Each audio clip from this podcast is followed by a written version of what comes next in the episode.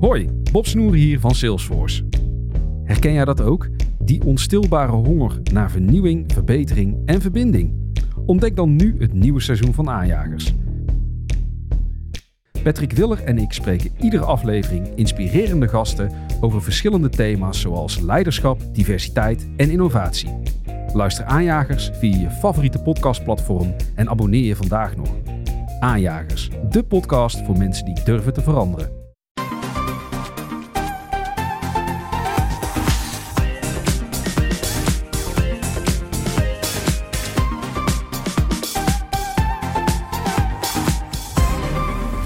Bij de Bright Podcast van woensdag 30 juni. We praten hierbij over de trending topics in tech van deze week.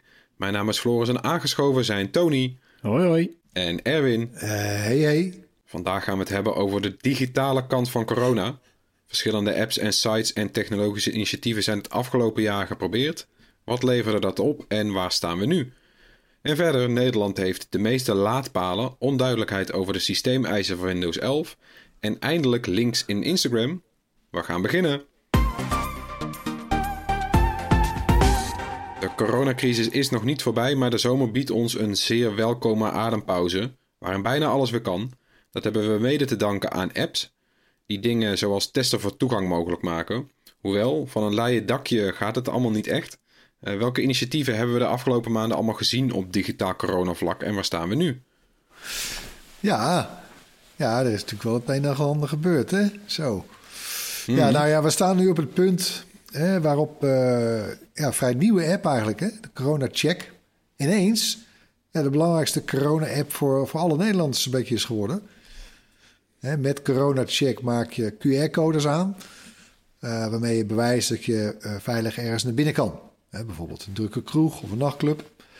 Hè, want dan moet je van tevoren naar een teststraat, een teststraat toe. Eh, maar ook als je op vakantie wilt, hè, dan genereert de Corona Check app een internationaal erkende QR-code.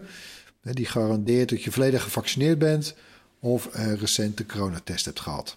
Ja, En dit verloopt de uitrol van die nieuwe app een beetje, een beetje aardig? Nou, nou ja, dat, die vraag stellen ze maar.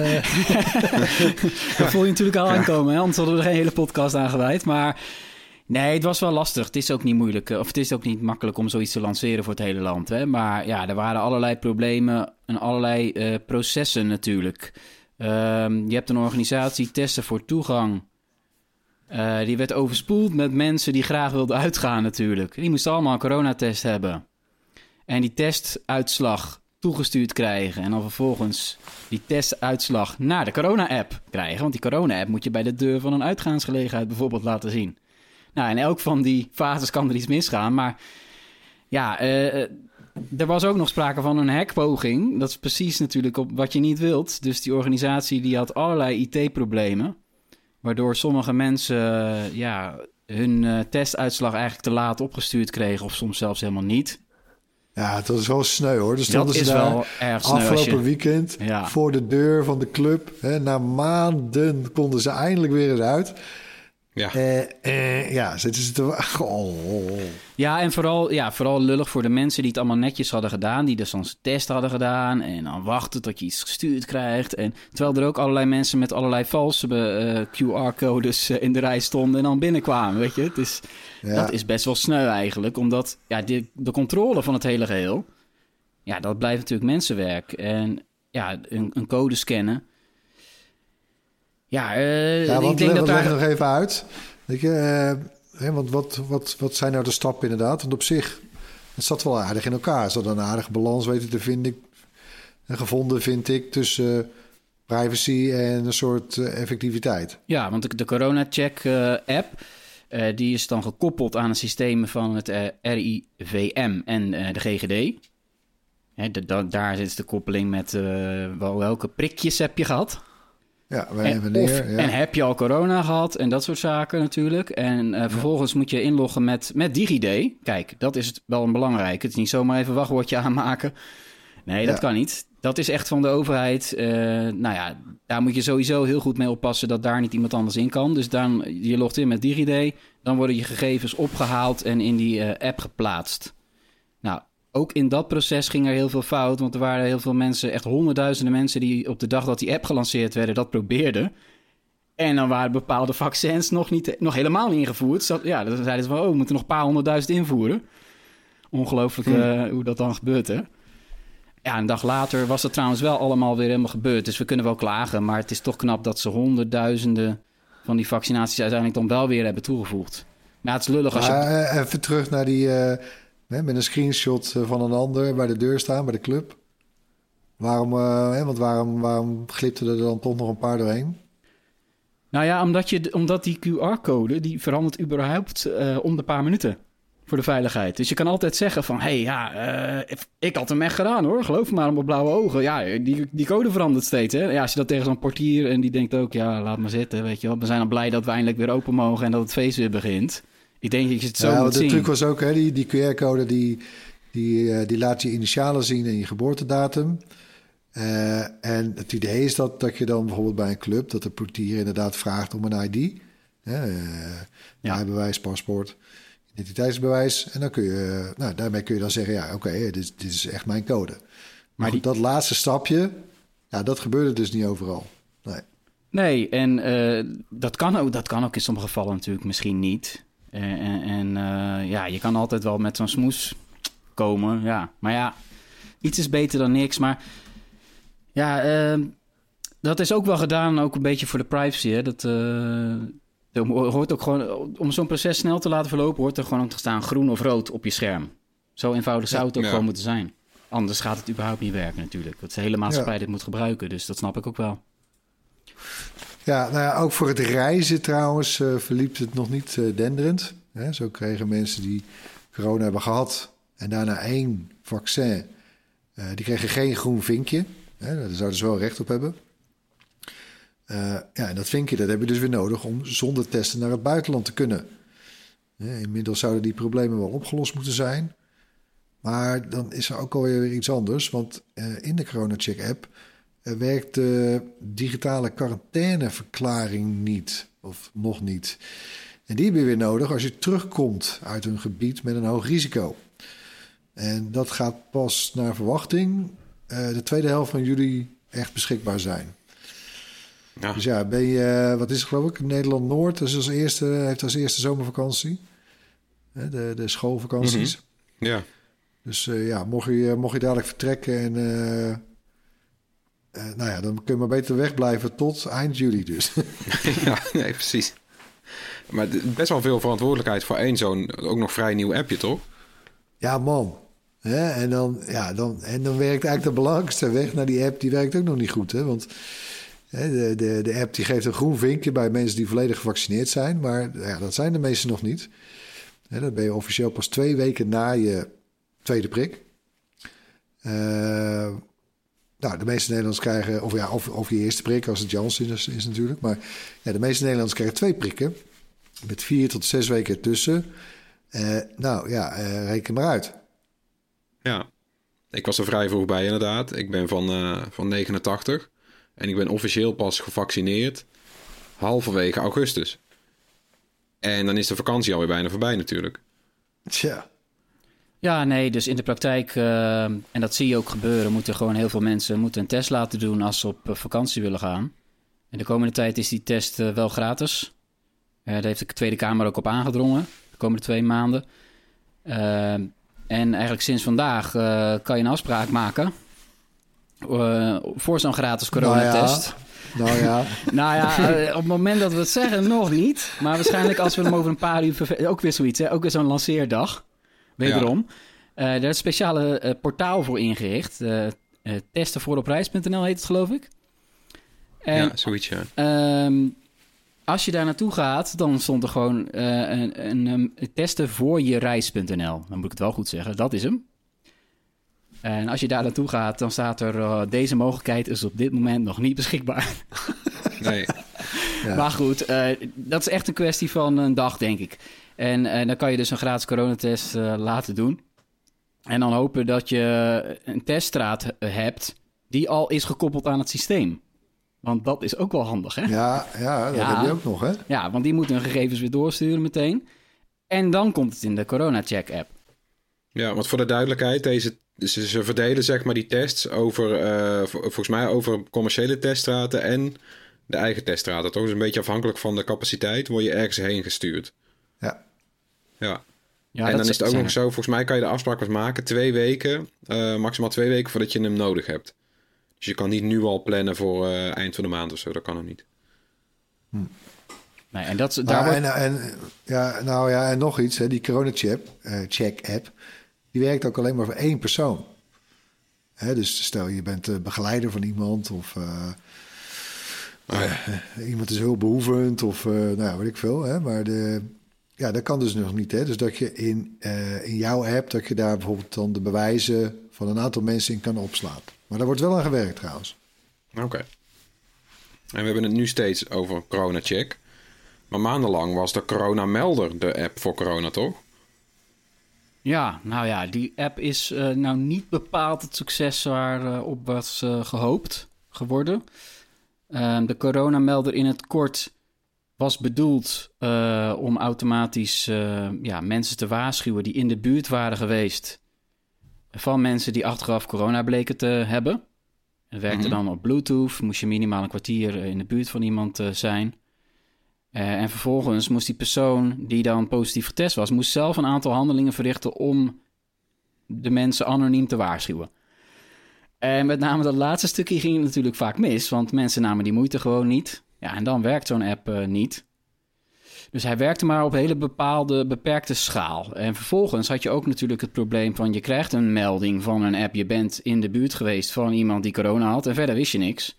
Een hele hoop mensen die dachten... ja, leuke melding, maar ik doe er verder niks mee. Ja, als je dan vervolgens Ja. niet laat testen... Ja, en, enzovoort... daardoor was die app gewoon niet, niet Dat heel is ook erg echt heel specifiek, hè? Nee, ja, Hè, je, je bent op die dag, in, op die plek. Bij, hoe, hoe ver ging dat eigenlijk dan, die meldingen? Of weten we dat niet? Ik heb zelf trouwens nooit zo'n melding gehad. Jullie wel? Maar ja, dat is Nee. gewoon... Nee, ik ook niet. Wij kwamen niet zo vaak buiten, Erwin, denk ik. Nee, volgens mij was het inderdaad eh, alleen de dag. Ja, niet de locatie. Ja, oké. Ja, nou ja, dat, dat heeft niet... eh, het was wel een klein positief effect, maar zeker geen heel groot effect. En nu is het eigenlijk het advies van... eh, nou ja, als je een melding krijgt, hoef je niet per se meer te laten testen. En ik denk dat een hoop mensen eh, zoiets hebben van... ja, haal ik die app eraf. Als dat het advies is. Want wat heb ik er verder aan? En ja, dat kan ik ze ook niet echt eh, kwalijk nemen. Maar... Ja. En dan dus even samenvattend. De hoofdvraag op dit moment, met, met de zomervakantie eh, in aanvang, is vooral... eh, wat moet ik doen als ik naar de, naar, de, naar de club wil? En wat moet ik doen als ik op vakantie ga? Ja, nou ja, de eerste vraag is simpel. Hè. Je mag in Nederland de anderhalve meter loslaten als je een recente test hebt, eh, negatief natuurlijk, hè, of volledig gevaccineerd bent. Eh, met andere woorden, als jij in de coronacheck dat groene vinkje kan laten zien. Punt. Ja, simpel. En reizen? Ja, nou, reizen, dat is eh, toch wat ingewikkelder hoor. Ik vind het zelfs zo ingewikkeld dat ik zoiets heb van... ik ga lekker op vakantie in Nederland. Maar ja, binnen, binnen Europa eh, valt het uiteindelijk straks... als alle problemen zijn opgelost, ook nog wel mee. En met name als je volledig gevaccineerd bent... dan heb je dat internationale vinkje, zeg maar. En dan ja, kan je dat laten zien. Ehm, ja, als je getest moet worden, dan, eh, dan kan het wat ingewikkelder zijn. Want er zijn wel verschillende regels eh, in elk land.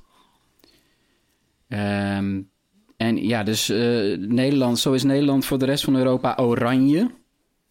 Klinkt leuk, hè? maar Ja. daar bedoelen we, daar bedoelen we iets anders niet mee. goed nee, daar bedoelen we iets anders mee, zeker naar dit EK. Dat is niet goed. Eh, wat betekent dat Nederlanders een test moeten laten zien. En hoe oud die test dan moet zijn, dat verschilt bijvoorbeeld ook al per land. Dus in, in België mag je test dan eh 72 uur oud zijn, maar in Spanje maar 48 uur. Ja, dat is wel best lastig natuurlijk, vooral als je met de auto naar Spanje gaat en eventjes overnacht in, in Frankrijk. Ja, moet je dan tussen de, eh, op de reis weer een nieuwe test gaan doen. Het zou zomaar kunnen. Dus dat soort verschillen zijn er nog wel. En Ja. ja, ja dat is dan in, in, in de EU proberen ze het wel allemaal op orde te krijgen. En al die landen zijn bijna allemaal ook wel aangesloten op één systeem. Van een, een, Behalve, behalve Ierland, toch? ja, behalve eh, Ierland is nog niet klaar. Want die hadden last van een cyberaanval. Het zal ook niet, hè? het is echt ook... Ja, ja, ja. maar de, dus uh, er is wel een DCC heet dat, hè? Dus de, de Corona uh, Digital Certificate. Dat, Ja. dat is wat je dan... eh, Zo'n ransomware attack, dat is eigenlijk misschien wel de nieuwe pandemie, hè, trouwens. Ja. Maar goed. Eh, Oké, en dat is dus binnen Europa. is gewoon een beetje toe. Maar als het goed is, komt dat dan straks op stoom. En dan maak je zo'n afspraak om te testen. En dan heb je een test die hopelijk... eh, want je krijgt de uitslag van die test eh, binnen 24 uur. Dus je moet op zich nog best wel... Best wel komt, het luistert nog nauw als je hem straks plant. Want je wil niet dat je hem te vroeg doet... zodat hij straks net verlopen is als je bij een grens aankomt. Maar te laat kan ook niet, want dan komt die test misschien weer te laat binnen... en dan sta je op het vliegveld en heb je getest krijg je dat weer. Nou, ik vind het spannend. Maar, ja, en dan stel ook nog, eh, je, Lekker- je gaat lekker- uit lekker- Europa weg. Lekker op vakantie, jongens. Lekker bijkomen. Ja. Lekker ontspannen. nee, maar weet je nog, vroeger dan pakte je het vliegtuig en dan ging je naar Thailand. Of ik ben zelfs in Japan geweest, in Australië. Nou ja, dat is, Ja. dat soort nachtmerrie. Je krijgt er al hoofd bij van als je maar te aan denkt wat je zwijgen dan over allemaal de- moet doen. Ja. ja, de terugreis, daar heb je waarschijnlijk nog niet eens over nagedacht. Maar dan moet je misschien ook weer. Zit je in Spanje, moet je in Spanje een testraad gaan zoeken. Kijken of het gratis is. Ik ben Ja. benieuwd. Nou ja, en wat, ik, eh, wat ook opvallend is, is dat... ehm, wij hebben het over de systemen van de overheden. Dat is ook logisch dat Ja. die de... Ja, dat, het is heel belangrijk dat de overheden dit regelen. Maar de luchtvaartmaatschappijen die zijn er eigenlijk niet zo erg blij mee met hoe het nu gaat. Eh, want het is best wel chaotisch natuurlijk geworden. Zelfs in de EU, waar iedereen beloofd heeft om samen één systeem te gaan gebruiken, zijn er ontzettend veel verschillen nog steeds tussen al die landen. Ja. Eh, ook in de manier waarop ze het controleren, manier waarop ze het regelen. Eh, nou ja, dat, dat maakt het voor een luchtvaartmaatschappij die heeft te maken met overstappende reizigers en dergelijke. Die staan te wachten om een vlucht wel of niet te halen. Ja, het is natuurlijk best wel lastig als, als dat verkeer weer op gang komt. Want de afgelopen maanden was het natuurlijk rustig met, eh, met vliegen. Ja, nu dat het weer Ja. druk wordt. Als je nu gaat kijken bij Schiphol, heb ik de vertrektijden even genomen, ge- gekeken net. Bijna alle vluchten zijn vertraagd bij het vertrek. Dus je kan niet zeggen dat het allemaal eh, ja, goed, goed Nou, ze hebben loopt. subsidie zat, eh, ze hebben subsidie zat gehad. Dus eh, ze kunnen wel een appje bouwen, denk ik. Ja, nou ja, dus ik denk dat, dat als het weer op gang komt, dan krijg je nog meer rijden en, en vertragingen. En die luchtvaartmaatschappijen, ja, die willen het liefst eigenlijk één wereldwijde app. En ge ja, geven ze ook geen ongelijk in dat ze dat proberen. Eh, waar wel dan de officiële vaccinatie of testbewijzen van overheden in terechtkomen. Eh, maar ja, je, je kan je voorstellen dat wat moet je als douanebeambte in Thailand met eh 120 verschillende landen hebben, 120 verschillende apps? Sta je daar met je corona-check Ja. QR-code? Dat is eigenlijk net zoveel waard als een nagemaakt printje, toch? Dat kan, niet, dat kan je toch niet controleren? Binnen de EU zou het nog, go- nog kunnen, maar alles wat daar buiten valt, ja. Nou goed, dus de luchtvaartsector die, eh, die werkt samen aan een app dat heet de eh, IATA Travel Pass. Eh, daar hebben 70 maatschappijen zich al bij aangesloten, wordt ook al getest. Het moet de komende tijd worden uitgerold. En dat kan wel handig zijn voor inter- intercontinentale vluchten, denk ik. Ja, klinkt ook wel logisch eigenlijk. Want waarschijnlijk het controlepunt voor straks vliegvakanties ligt ook rond het vliegveld natuurlijk. Ja. Ja. Dus dat vind ik op zich wel logisch klinken als dat dan weer daar terecht komt. Maar ja, die, die maatschappijen zijn natuurlijk niet blij met die extra verantwoordelijkheid. Want dan moet je ineens ook weer iets doen wat misschien eigenlijk inderdaad een douanetaak is. Maar Ja, en nu gaat het dus allemaal met papiertjes en dergelijke. Dus mensen staan met papier, nerveus met papiertjes te wapperen. ja, eh, terwijl de, ja, ja, ze de vlucht proberen te halen. En dan, ja, wat moet je daarmee? Ja. Als, uh, als Lekker ontspannen op vakantie. Lekker met het Ja. vliegtuig. heerlijk. Ja. Jezus. Nou, eh, ja, ik weet het niet. Ik, ik, zit nog, ik zit nog steeds wel een beetje in die vibe dat ik denk van... beter dat er niet wereldwijd zoveel vluchten zijn eigenlijk op dit moment. Dat iedereen voor elke scheet het vliegtuig pakt. Ja, ik vind het snel genoeg gaan nu ook. Ja, Alles, ik- de ik- openstellingen en zo. eh, Wij hadden, en een ook. Wij hadden het de afgelopen maandag trouwens, voor de luisteraars... maar we hadden een meeting eh, voor het eerst echt in een hele lange tijd... Ja. eh, met z'n vijven, face-to-face... Met voldoende afstand hoor. Maar, en in de buitenlucht. Dus. Maar ik weet niet hoe het bij jullie was. Maar ik was helemaal kapot, man. Nou, die, eh, we zijn, waren, zijn wel, waren wel van, tien uur s ochtends tot drie uur s middags. Ik vind het ook wel... Ik heb nog nooit zo'n lange vergadering in mijn leven gehad. Nou Ja, inderdaad, gewoon dan, de- want Ja. ik was helemaal De kapot. drukke sociale omvang, ja. Ik vond het ook wel vermoeiend. Je bent het gewoon niet meer gewend, man. Nee. Toch? Al die ik ben laatst ook een keer eh, ben ik weer naar kantoor geweest. Naar de redactie heb ik ook maanden niet gedaan. Maar ik moest laatst een keer ergens voor op de redactie zijn. Was ook helemaal kapot daarna. Gewoon allemaal Ja. van, ja, van de indrukken of zo. Je bent, je bent niks meer gewend. Ja, absurd, hè? Nou ja. ja. Maar dan eh, even terug naar het onderwerp. Stel, eh, als laatste vraag. eh, Moeten we ondanks die opstartproblemen toch blij zijn met, met deze apps, deze technologische initiatieven? Ja, dat lijkt me wel, hè. Het was, ik vond het wel grappig. Mijn, mijn oudste dochter, die had deze week... was een van haar laatste klussen op de basisschool, een spreekbeurt. En die ging over een andere pa- pandemie, over de pest. Eh, de pest, eh, even refresh, eh, halverwege de 14e eeuw, dat is het eind van de middeleeuwen, overleed in Europa in een paar jaar tijd één op de drie mensen aan de pest. Dat waren in die tijd tientallen miljoenen mensen. Er was geen medicijn of vaccin in die tijd. Het is tegenwoordig wel behandelbaar hè, met antibiotica. Maar Ja. dus ja, jongens, je mag toch echt blij zijn dat we leven in deze tijd. Waar, hè, waarin we in, eh, nou ja, wat is het, in een jaar gewoon echt hele effectieve vaccins kunnen uitrollen. Ja. En, en al deze ICT-systemen kunnen inzetten. En ja, er zijn opstartproblemen, maar goed, kom aan. Ja. Nee, ben ik wel met je eens. Om nog maar te zwijgen over dat je je niet hoeft te vervelen tijdens die quarantaine. Maar moet je je voorstellen dat die quarantaine... Weet je, stel dit was, dit was 15 jaar eerder gebeurd. Je had je kapot verveeld. Ja. Ja, ik denk dat er dan nog meer baby's waren geboren. We hebben, hebben niks te zeuren verder daarover? Nou Tony? ja, kijk, er zijn eh, natuurlijk wel zorgen eh, bij, al dit soort initiatieven over de, de privacy. En over mensen die eh, ja, geen, geen smartphone hebben. Dat zijn er wel steeds minder hoor. Maar ja, dus over privacy gesproken. ehm, het is natuurlijk. ehm, ja, het is wel zo dat die Corona Check app is wel zo ontworpen om zo min mogelijk gegevens te delen. Dus je krijgt een groen, groen scherm te zien. Maar daar ziet de persoon die dat checkt niet aan of, of dat groen is omdat jij volledig gevaccineerd bent, of omdat je een negatieve test hebt gedaan, of omdat jij al corona hebt gehad.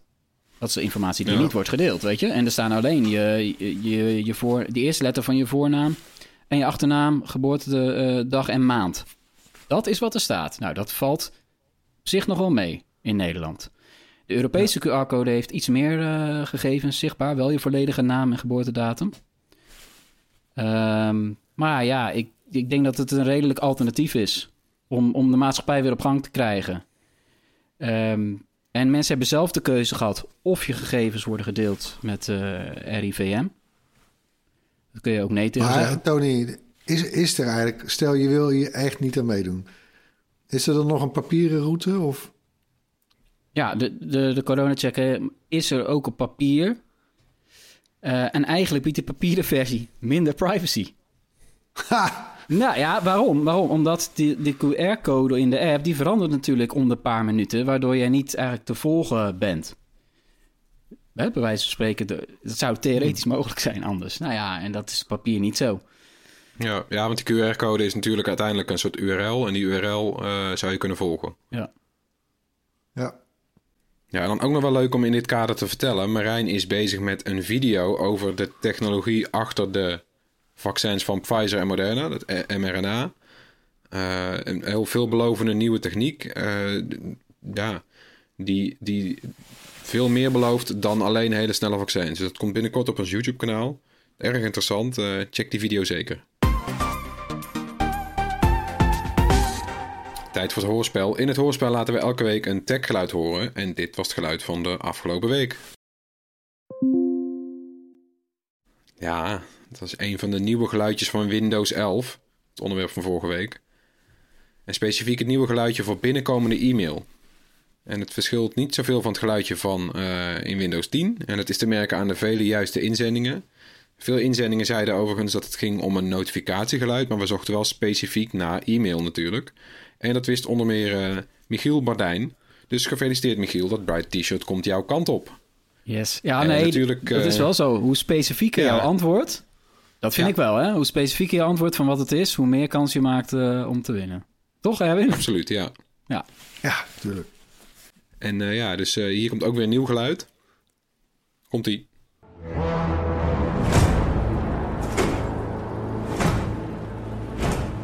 Ja, als je denkt dat je weet wat het is, stuur je antwoord zo specifiek mogelijk. Dan naar podcast.bright.nl. Onder de mensen die het juiste antwoord insturen, verloten we zo'n gewild Bright t-shirt. Hey. Dan, in kort nieuws. Microsoft heeft de minimale systeemeisen van Windows 11 naar beneden bijgesteld. Na onduidelijkheid over welke processoren voor het nieuwe systeem geschikt zijn. Die eisen zijn namelijk fors hoger dan bij Windows 10. Die had de ondergrens van Windows 8 overgenomen, maar die is inmiddels al 10 jaar oud, dus het mag ook wel weer een keertje omhoog. En de nieuwe ondergrens van Windows 11 die lag eerst op Intel Core chips van de achtste generatie en AMD Ryzen 2000 chips. Met andere woorden, processoren van eind 2017 tot halverwege 2018. En nu kijkt Microsoft naar chips van een jaartje ouder. Uh, maar toch blijven de eisen van Windows 11 daarmee uh, veel hoger dan voor Windows 10. Volgens Microsoft vanwege de veiligheid en de betrouwbaarheid. Ja, je moet er ook iets hebben wat, uh, hè, wat mensen toch weer eens proberen te overwegen een nieuwe, een nieuwe bak aan te schaffen. Ja. kijk, voor mij was dat heel vaak waren dat games. Die, dat waren dan dingen als Doom of Quake in die tijd. Dat waren gewoon games die, die hadden gewoon bepaalde systeemeisen. En daarvoor ging je naar de winkel bijna. Ja, ja. precies. Maar het zou dus Ja, kunnen gebeuren, uh, Floris, dat je de, de, de testversie voor de Windows Insiders, die is nu verschenen. Die kan je downloaden en Ja. installeren. Ja. En het zou kunnen dat op jouw computer, dat die testversie wel werkt, maar dat de uiteindelijke versie niet wordt ondersteund Ja. op jouw systeem. Ja, en het heeft dan ook echt weer te maken inderdaad met die veiligheid. Ja, weet je, het, ook, het- we hebben al gezien de afgelopen jaren waren er best wel veel hacks van Intel chips. Die dan iets deden met, eh, met, met weet je, dingen die hardwarematig fout waren in die Intel chips. Nou, sommige van die Intel chips van die nieuwere hebben er dan weer gelast van. Ik snap best dat Microsoft ergens een streep trekt. En dan zit er ook nog iets met een, met een soort van eh, veiligheidscheck bij het opstarten al. Eh, het is iets wat mensen die hebben dan een geschikte chip, maar dan kan het zijn dat ze alsnog hun, eh, hun BIOS moeten aanpassen. Weet je wel? Dat opstartsysteem van je, soort van de startmotor van je PC. Oeh, dat is altijd eh, heftig hoor, als je dat moet doen, weet ik nog van voor heel lang geleden. Ja, voelt, voelt verkeerd, hè? Ja. Dan gaat je hartslag echt met- omhoog hoor, als je de Met BIOS... bibberen en bevende handjes eh, ja. de BIOS updaten. Oeh. Nederland heeft de meeste oplaadpunten voor elektrische auto's in de Europese Unie. Ons land staat volgens de, ja, netjes. Ons land staat volgens de Europese autobranchevereniging ACEA zo'n 30% van de oplaadpunten eh, van de EU. Dus wij hebben de 30% van, van, van het volledige. En 70% van alle oplaadlocaties ligt in Frankrijk, Duitsland of Nederland. Dus die drie landen lopen echt voorop, want nummer 4 Italië heeft maar 6% van het totaal. En dit is een stuk minder dan de nummer 3, dat is Duitsland, die heeft 20%. Dus de, ja, het, het loopt enorm uiteen. En dus roept de branchevereniging op om eh, iedere Europese lidstaat een, eh, ja, een bindend doel op te leggen, met hen af te spreken. De Europese Commissie discussieert over twee weken over dit onderwerp. Ja, ik hoop dat er wat op gang komt, want eh, als je deze cijfers ziet, dat is toch eigenlijk ik denk, best eh, wel nou, slecht man van die andere landen. Ja, ik denk ook dat het op een gegeven moment eh, toeristisch gezien eh, gewoon een minpunt wordt. Hè? Ja, zo'n land als Spanje. Ja. Weet je, wat zijn die aan het doen eigenlijk? Ja, er komen gewoon mensen toch op vakantie met hun elektrische auto. ja, dan, dan ga je gewoon niet, niet naar dat land. Nee. Het lijkt me, nee, inderdaad. Want je hebt nu eh, al wel heel veel van die routeplanners zelfs in elektrische auto's. En dan kan je in principe heel goed je route plannen. Ja, Want veel auto's die rennen gewoon een hele dag rijden, zodat je hem s'nachts kan opladen. Of je hebt even een tussenstop van drie kwartier. En dan kan je ook weer door. Maar ja, wat als je dan twee weken in Spanje bent en je kan nergens terecht? ik denk dat de ingebouwde spraakassistenten in auto's je altijd op vakantie sturen naar Noorwegen. Want Ja. dat is het land waar het... eh, ja, daar hebben ze relatief de meeste elektrische auto's. Hè? En eh, volgens mij was er... Deze week was trouwens ook nog in het nieuws... over elektrische auto's en opladen gesproken... dat Tesla eh, toch van plan is om zijn superchargers open te stellen... voor auto's van andere merken. Dus ja, als dat gebeurt... het kan nog wel eh, tot eh, eind volgend jaar duren, maar... Zou mooi Ja, zijn. Noorwegen, Noorwegen. Wij hebben de meeste palen. Precies. Hoppa. Instagram doet een test met speciale stickers in stories, waar je links in kan verwerken. Want eh, wilde je tot nu toe links in een story plaatsen, dan moest je minstens 10.000 volgers hebben en een zakenaccount of een geverifieerde gebruiker zijn. En volgers kunnen die links dan weer aanklikken. Of door omhoog te swipen kunnen ze dan op een, op een pagina komen. Eh, weet je wel, dat swipe up to, eh, nou dat, dat idee, dat kende je al. Instagram wil, wil het nu veranderen en test vanaf vandaag een speciale sticker met een link erin. Daar kan je gewoon op klikken, dus niet per se swipen, maar op klikken. Uh, met de test wil Instagram in eerste instantie in beeld krijgen uh, wat mensen met zo'n sticker zouden doen. Uh, weet je, worden er dan bijvoorbeeld links met desinformatie geplaatst? Daar, daar wil Instagram natuurlijk weer ver van blijven. Of de functie vervolgens naar iedereen wordt uitgerold of beperkt blijft, is iets wat Instagram nog wil verder onderzoeken. Dus de test blijft voorlopig ook beperkt. Hmm. Ik ben benieuwd hoor. Dit, dit voelt toch echt als een feature die ze juist al die jaren juist hebben tegengehouden. Wat ze juist niet wilden doen. Maar ja, dat gezegd hebbende, Twitter komt de laatste tijd ook met allerlei features die uh, nooit had verwacht dat ze ooit zouden komen. Ja. Dus uh, wie weet, linkjes ja, op Ik word er zo moe van eigenlijk gewoon. De, het, eh, zekere koppigheid in tech is prima hoor, maar ik word hier wel zo scheidsziek van eerlijk gezegd links in bio, ja, alsof dat werkt. Of links in Nee, ik heb nog nooit op een link in bio geklikt. Jezus, jongens. En, en ik snap het wel hoor, want dadelijk is ook Instagram natuurlijk één gewoon spamnest. Maar ja, ja zet, gewoon, zet gewoon die links aan, man. Ja, het is ook nou die, probleem. Ja, elke, elke gebruiker heeft inmiddels toch door ook hoe dat trucje werkt. Ze willen gewoon iedereen binnen Instagram houden. We get it. Maar iedereen is toch al verslaafd aan Instagram en opent het een paar keer per dag. Geef ons dan minstens nog een beetje gebruiksgemak. in ruil voor die verslaving. Dan hebben we er wel wat aan. Nou, vergeet ons ook niet te volgen hè, op Instagram. Bright, uh, ja, die voelde je al aankomen. Oh, ja. Bright underscore NL, want we hebben op elk social network hebben we natuurlijk een andere username. Bright ja. underscore NL is het op Instagram. hebben we de afsluiting nog wat tips voor je? beginnen we met Tony. Ja, mijn tip is uh, onze eigen videoserie uh, Bright Bunch. Die wil ik toch even tippen. Ook al vanwege de, de heerlijke naam, Bright Bunch. Vind ik gewoon, uh, klinkt lekker. dat is een serie, daar gaan we op bezoek bij innovatieve ondernemers. Dat doet onze automan Rutger Middendorp. Dat is ook wel logisch, want die serie is in samenwerking met Mercedes-Benz. En een van de mensen die we bezoeken is de bedenker, de Nederlander, achter de, de prachtige platenspeler Wheel. En dat, dat is een platenspeler die, die, die staat uh, rechtop. En de naald zit aan de achterkant. Het is echt een apart ding. En je draait eraan en uh, je, je zwengelt hem zelf aan met je hand en dan gaat hij afspelen. En uh, ik heb hier zelf ook een platenspeler staan en ik vind het echt een, een prachtig ding. Heb jij hem besteld, Tony? Ik heb die niet. Nee, nog niet. Hij kost steeds, omdat hij 750 euro uh, kost. Oh. Ja, ja, ja. Maar als je dan ziet dat die met de hand worden gemaakt... en die man is er dus 4,5 jaar geloof ik uh, mee bezig geweest met de ontwikkeling. Want dit is zo'n zo'n Kickstarter crowdfund project waarvan je denkt... gaat het nog lukken? En uh, allerlei moeilijkheden. Ik heb die blog, de afgelopen jaren heb ik die blog gevolgd van Miniat. Want zo heet het bedrijf achter de plaatsspeler Wheel. En wat een wat een doorzettingsvermogen hebben ze gehad. Nou, dit is af. Hartstikke mooi om, uh, om te zien zo. Ja, het is, het is wel een mooi event ook. Uh, we hebben eerder... Uh, we hebben hier, hij zei, ze zijn begonnen met het maken van houten cases voor de iPhone. Ja. En die hebben wij in de tijd dat we bij Bright nog een eigen webshop hadden... of een boutique, online boutique, verkochten we die ook. En daar ben ik ook een keer bij hem geweest, ook om te zien. En die maakte die toen ook al met de hand. Mijn god. Uh, ja. ja. mooi verhaal. Mooi, mooi video ook. Mooi stukje techniek. En, uh, en, een andere aflevering in die serie is ook wel bijzonder hoor. Dan gaan we langs bij de 14-jarige ondernemer achter het bedrijf Stapelgek. En die heb je ooit als tip gehoord in deze podcast. Want dat bedrijf verhuurt Lego sets. Ja, dat is een fantastisch concept. Heel leuk bedacht. Ja. Leuk om, ja, uh, om die jongen te zien. Dat is mijn tip. Ja. The Bright Bunch. Dan heb ik, uh, heb ik ook een tipje waarvan wij twijfelden, hier met z'n allen, of die nou al gegeven was of niet. Uh, collega Rutger kwam er laatst als eerste mee, maar volgens mij heeft Rutger dan weer niet in de aflevering gezeten. Nou, lang verhaal kort. De tip is uh, Inside van Bo Burnham. Het is een comedy special van Bo Burnham, een van de eerste internet comedians. Populair geworden op, op YouTube. Destijds ook heel populair op Vine toen het nog bestond. en hij was de laatste paar jaar een beetje weg. En in deze show vertelt hij ook waarom hij weg was.